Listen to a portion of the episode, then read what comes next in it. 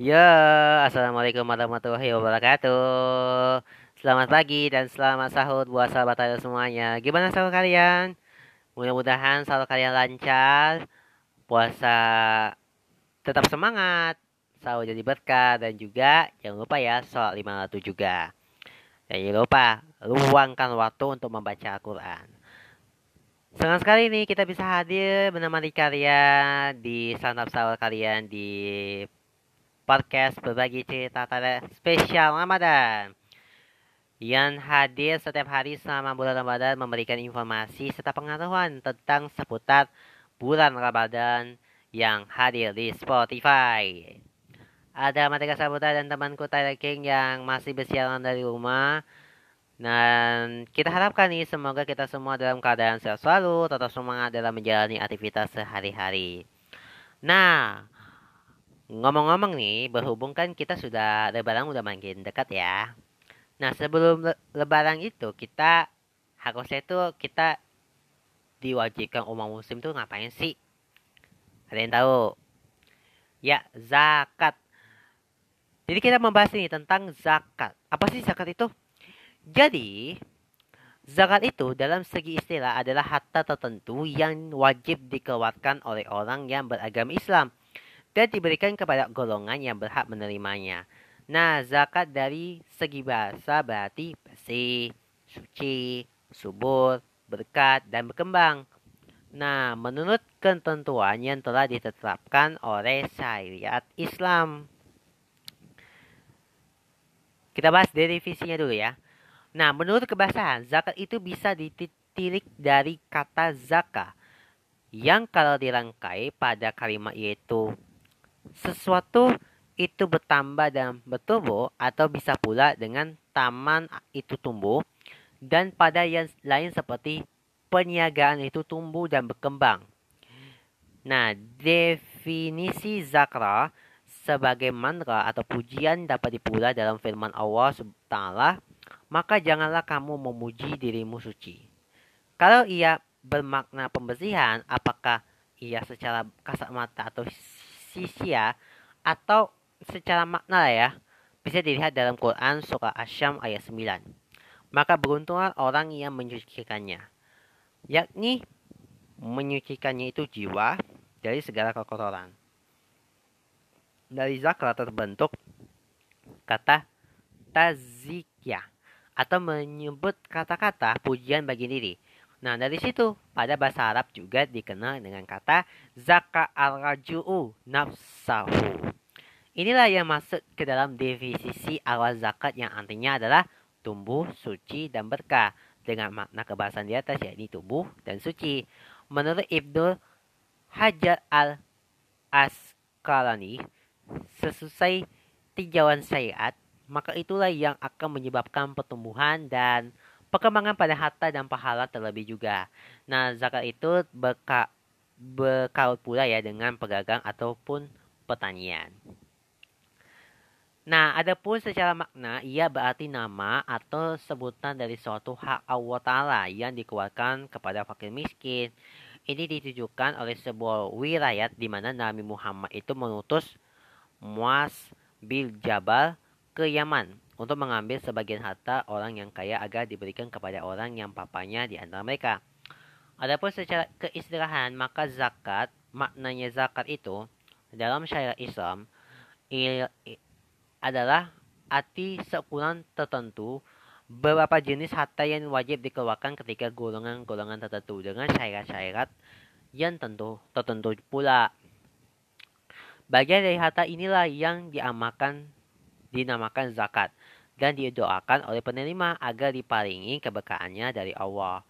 Tak jauh dari ketentuan.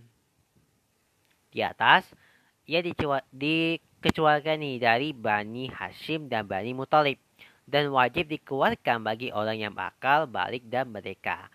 Nah, menurut Undang-Undang Nomor 38 Tahun 1999, disebutkan nih bahwasanya zakat itu merupakan harta yang wajib disisihkan oleh seorang muslim sesuai dengan ketentuan agama untuk diberikan kepada ayam berhak menerimanya. Setiap muslim diwajibkan untuk berzakat ketika hartanya sudah mencapai batas anggar dapat dikenakan zakat. Dalam Islam, kondisi zakat ini disebut dengan nisab. Zakat juga diwajibkan diberikan kepada umat muslim telah melaksanakan puasa di bulan Ramadan selama satu bulan penuh. Nah, di dalam Al-Quran ini ada banyak sekali dalil soal zakat. Di antaranya adalah surah Al-Baqarah ayat 177, Al-Maidah yang berarti Al-Maidah bukan ya, Al-Maidah dulu ayat 55, atau Ba ayat 5, 3435, Al-Mu'minun ayat 1 sampai 4, An-Nama ayat 2 sampai 3, Al-Luqman ayat 3 sampai 4, serta Fusilat ayat 6 sampai 7. Nah, di bawah ini nih adalah beberapa dari Al-Quran sehubungan dengan wajib zakat. Dalam Quran Surah Al-Baqarah, Juz 2 ayat 43 yang berbunyi. Dan dirikanlah sholat, tunaikan zakat, dan rukuklah beserta orang-orang yang rukuk. Ada juga nih At-Taubah juz 9 ayat 35 yang berbunyi. Pada hari dipanaskan emas perak itu dalam neraka jahanam. Lalu dibakar dengan dahi mereka, lambung dan punggung mereka. Lalu dicakatkan kepada mereka. Inilah harta bendamu yang kamu simpan untuk dirimu sendiri. Maka rasakanlah sekarang akibat dari apa yang kamu simpan itu. Nauzubillah mizali. Terus juga nih, At-Taubah ayat 103. Ambillah zakat dari sebagian harta mereka, dengan zakat itu kamu membersihkan dan menyucikan mereka.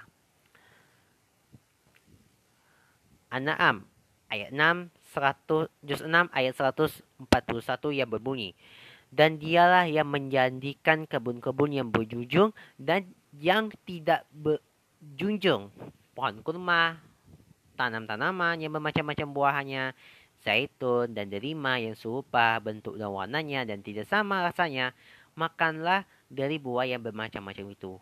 Bila ia berubah, maka dan tunaikan hak pada hari memetik hasilnya dengan disedekahkan atau disedekah kepada fakir miskin. Dan janganlah kamu berlebih-lebihan. Sesungguhnya Allah tidak menyukai orang yang berlebih-lebihan. Nah, ada beberapa hadis yang diriwayatkan oleh Imam Bukhari tentang zakat ini. Contohnya, dari Ibnu Umar radhiyallahu anhu berkata, Rasulullah Shallallahu alaihi wasallam bersabda, pokok-pokok iman ada lima perkara, yakni persaksian bahwa tidak ada Tuhan yang berhak disembah melainkan Allah. Dan Muhammad adalah utusan Allah, mendirikan sholat, membayar zakat, menunaikan ibadah haji, dan puasa di bulan Ramadan. Dari Abu Ayyub radhiyallahu bahwa seorang laki-laki datang kepada Rasulullah dan berkata, Beritahukan kepadaku sesuatu amal yang bisa memasukkanku ke dalam surga. Orang ada yang bertanya padanya, ada apa dengannya? Ada apa dengannya gitu. Nabi SAW menjawab, ia punya kepentingan berupa perkara yang sangat besar, yaitu engkau menyembah Allah dan tidak mempersukukannya mendirikan sholat, menunaikan zakat, dan memperat tali keberaka, kekerabaan. Nah, pentingnya sih kita berzakat. Nah, kita bahas nih ya, manfaat dalam membayar zakat penghasilan. Dalam ajaran Islam, ya, yeah, sebagai seorang muslim, diketahui bahwa membayar zakat merupakan salah satu elemen penting yang bisa dilakukan dalam rukun Islam. Dengan membayar zakat sesuai ketentuannya, baik zakat pita maupun zakat mal, yang termasuk zakat penghasilan di dalamnya, Anda secara sadar juga telah memaksimalkan upaya pada dirinya sendiri untuk meningkatkan iman sebagai muslim yang taat. Zakat sendiri merupakan hukum yang diwajib dilakukan oleh seorang individu yang memiliki harta atau dianggap mampu di dalam ajaran agama Islam.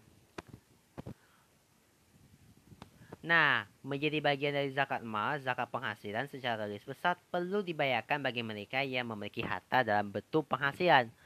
Meskipun begitu, diketahui bahwa tidak semua orang yang memiliki penghasilan wajib untuk mengeluarkan zakat penghasilan. Nah, menurut ketentuan yang terkandung dalam Peraturan Menteri Agama Nomor 52 Tahun 2014 dijelaskan nih, orang-orang yang wajib membayarkan zakat penghasilan adalah mereka yang memiliki penghasilan tetap dan didapatkan secara halalilah. Ditambahkan juga bahwa nisab dasarnya yang wajib membayarkan zakat adalah orang-orang yang memiliki penghasilan minimal sebesar Rp5.240.000 rupiah. Untuk penghitungan pembayaran zakat penghasilan, Anda sebagai seorang muslim, contohnya ya, penghasilan minimal itu sebesar Rp5.240.000. Misalkan, jika kita sebagai seorang muslim wajib untuk membayarkan 2,5% dari total penghasilan setiap bulannya yang bisa Anda salurkan baik setiap bulan atau dirangkum per tahun. Terus, manfaat dalam membayar zakat penghasilannya. Nah, selain pendapat meningkatkan iman pada seorang muslim, kita sebagai seorang muslim, nah membayarkan zakat penghasilan secara rutin dan tepat juga bisa menghadirkan manfaat-manfaat pada diri Anda dan serta orang-orang di sekitar. Memahami secara istilah ini, zakat berarti merupakan sebuah ukuran harta yang wajib dikeluarkan kepada orang yang membutuhkan atau menerima yang berhak menerima zakat termasuk zakat penghasilan. Nah, berikut ini adalah manfaat yang bisa Anda rasakan terhadap diri sendiri ketika membayar zakat penghasilan yang pertama. Membersihkan harta dan hati. Nah, dalam ajaran agama Islam, dijelaskan bahwa membayar zakat termasuk zakat penghasilan merupakan salah satu upaya dalam membersihkan harta. Pasalnya ini diketahui juga melalui ajaran agama Islam bahwa di setiap harta yang dimiliki terdapat hak-hak orang lain di dalamnya, terutama orang-orang yang membutuhkan. Dengan mengeluarkan sebagai harta yang dimilikinya, sama halnya dengan membantu keberlangsungan hidup orang lain yang berhak dan benar-benar membutuhkan berhak dan benar membutuhkan bantuan secara material. Dengan terbiasa membayarkan zakat penghasilan, akan timbul perasaan lega berkat kemampuan diri yang bisa membantu orang lain sekaligus menunaikan kewajiban kita sebagai seorang muslim. Berikutnya, sarana pengendalian diri. Dengan hati yang bersih, berkat rutin membayarkan zakat penghasilan, Anda pun akan lebih mudah untuk mengendalikan diri terutama dari pengaruh emosi terhadap berbagai macam bentuk pengeluaran yang dapat membuat pengeluaran Anda membengkak karena terbiasa membayarkan zakat penghasilan sebagai salah satu bentuk ibadah. Secara perlahan, pandangan Anda terhadap kepemilikan atau harta pun akan mengalami penyesuaian. Nah, penyesuaian ini biasanya hadir dalam sudut pandang bahwa harta yang Anda memiliki tidak seutuhnya jadi milik dirinya sendiri atau ada hak orang-orang yang membutuhkan di dalamnya. Jadi Anda akan lebih merasa tenang dalam mengambil keputusan untuk melakukan pengeluaran kebutuhan hidup Anda dan keluarga tanpa harus berbelanja secara berlebihan. Yang penting hemat. Yang berikutnya, membuat pengelolaan uang lebih baik. Nah, setiap bulan membayar zakat penghasilan secara rutin tentu akan akan terbiasa membuat daftar rincian pengeluaran biaya, termasuk untuk biaya keperluan sehari-hari. Nah, dengan memiliki daftar tersebut setiap bulannya, Anda pun akan terbiasa untuk mengelola kondisi keuangan Anda lebih baik. Hal tersebut terjadi karena Anda harus bijak nih dan cermat dalam mengelola nih pengeluaran agar tetap dapat menentukan besaran yang diperlukan untuk membayarkan zakat penghasilan Anda. Lalu untuk kebutuhan rumah dan kehidupan sehari-hari serta sisakanlah untuk meningkatkan dana tabungan Anda. Yang berikutnya mengurangi pajak penghasilan. Tahukah Anda? Nah, menurut Undang-Undang Nomor 23 Tahun 2011 tentang pengelolaan zakat, setiap zakat yang Anda bayarkan dapat memberikan pada keuntungan dalam mengurangi pembayaran pajak, pendapatan atau PKP. Secara mendasar ini juga diberitahukan bahwa pengurangan ini dijelaskan dalam penjelasan pasal 14 ayat 3 Undang-Undang 38 tahun 1999 bahwa pengeluaran zakat dari laba atau pendapatan sisa kena pajak dimasukkan agar pembayaran pajak tidak terkena beban ganda. Nah, untuk mengurangi atau mendapatkan keuntungan untuk mengurangi beban pajak pendapatan, Anda bisa nih mengajukan laporan kepada Badan Amil Zakat Nasional dengan mencantumkan jumlah zakat yang dibayarkan berikut juga dengan total penghasilan Anda. Sedangkan jika pajak penghasilan Anda atau dibayarkan oleh pihak instansi atau tempatnya bekerja laporkan pemotongan zakat akan dicantumkan pada pelaporan pajak dari penghasilan boto yang Anda miliki. Menghadirkan keadilan sosial. Keadilan sosial ya. Jadi menurut agar, ajaran agama Islam, selain bersifat untuk meningkatkan iman serta pahala, zakat itu juga jadi salah satu upaya atau suatu upaya dalam memperkecil jarak atau kesenjangan antara orang kaya dan orang-orang yang tidak mampu. Nah, perlu diketahui juga dengan rutin membayar zakat penghasilan ada juga telah berhasil nih memberikan kontribusi kepada negara dalam membantu mengurangi kemiskinan karena pengeluaran penyaluran zakat yang tepat sasaran menyasar pada orang-orang yang kurang mampu dan membutuhkan bantuan material. Nah, itu tadi nih manfaat dalam membayar zakat penghasilan. Semoga kita semua ya bisa mengeluarkan zakat yang wajib untuk kita sebagai seorang muslim. Dan jangan lupa dua setengah persennya untuk setiap bulan dari gaji kamu, oke? Okay? Dan sekian dulu ya episode kita kali ini untuk membayar zak zakat. Nanti untuk episode berikutnya kita akan bahas lagi apa ya gitu kan. Dan jangan lupa nih untuk follow akun Spotify, bunyikan lonceng biar kamu tidak ketinggalan spesial Ramadan dari kami.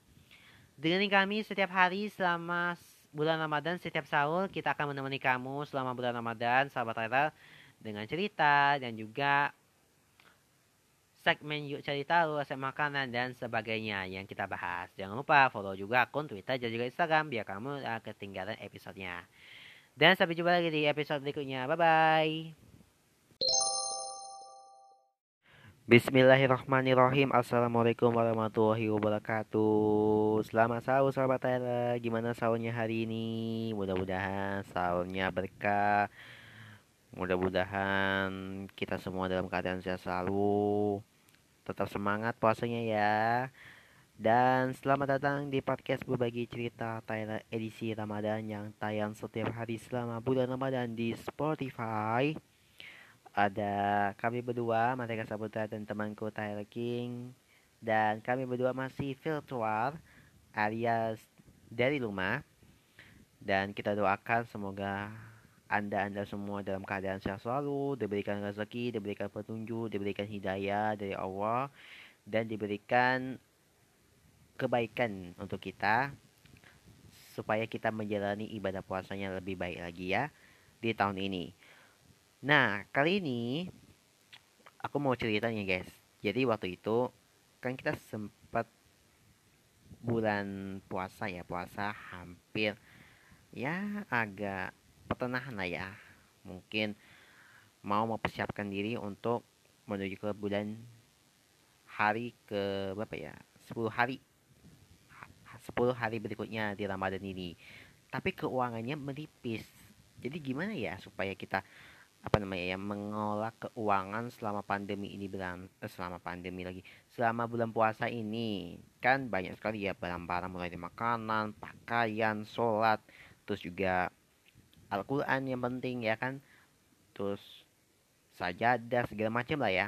Tapi kita harus mempersiapkan diri untuk agar kita tidak boros selama Ramadan. Nah untuk itu bulan suci Ramadan ini umat muslim diharuskan untuk menahan lapar dan hawa nafsu selama satu bulan penuh. Nah, untuk itu diharuskan untuk mempersiapkan diri dengan matang mulai dari fisik, mental, dan batin. Selain itu juga yang lebih penting kita harus persiapkan anggaran selama bulan puasa berlangsung. Hal tersebut menjadi sangat penting karena kita akan menggunakan uang untuk memenuhi kebutuhan selama bulan puasa agar ibadah puasa menjadi lecat dan berkah. Nah, berikut ini ada tips nih cara mengatur keuangan agar tak boros selama Ramadan. Yang pertama, buat rencana keuangan. Nah, cara mengatur agar anggaran bulan puasa pertama adalah dengan membuat rencana keuangan menjelang Ramadan puasa dimulai. Pisahkan dana untuk belanja kebutuhan masa sahur dan berbuka, membeli pakaian dan kebutuhan sehari-hari lainnya. Jangan lupa siapkan dana cadangan untuk hal yang tidak terduga. Kedua, hindari pengeluaran yang kurang penting ya guys. Jadi, cara mengatur anggaran bulan puasa berikutnya adalah dengan menghindari pengeluaran yang tidak penting. Kita harus cermat memilih mana kebutuhan dan mana keinginan. Ya, agar terhindar dari pemborosan karena mengikuti keinginan yang sebenarnya kurang diperlukan, tidaklah mudah untuk itu perlu konsisten ya. Yang ketiga, jangan terlalu sering berbuka di luar. Jadi jangan apa ya setelah seharian menjalani puasa berkumpul dengan teman atau keluarga untuk melakukan buka bersama di restoran atau tempat makan lainnya tentu sangat menyenangkan ya. Tapi meski menyenangkan, hal ini tentu akan membuat kita semakin boros.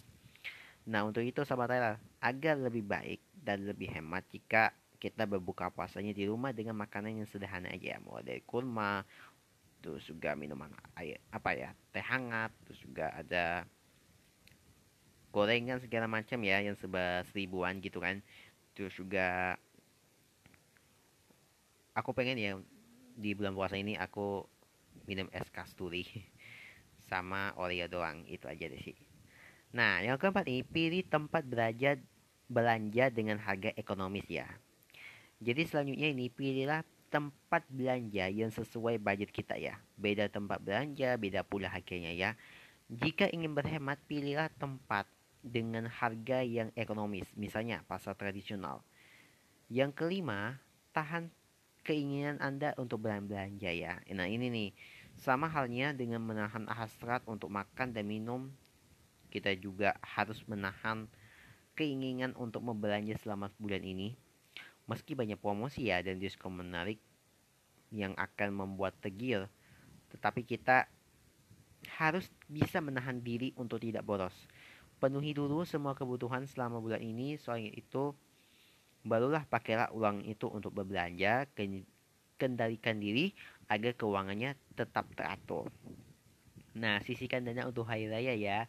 Jangan lupa sisihkan dana untuk hari raya Idul Fitri karena pada saat menjelang Idul Fitri, harga sembako, misalnya harga kebutuhan pokok lah ya, biasanya akan meningkat. Jika ingin pergi mudik, persiapkan juga dana untuk mudik dan membeli pakaian lebaran bila diperlukan. Nah itu sih tips dari gue tentang cara mengatur keuangan agar gak boros saat bulan Ramadan ini. Selamat mencoba ya. Berbagi cerita Tyler hanya di Spotify.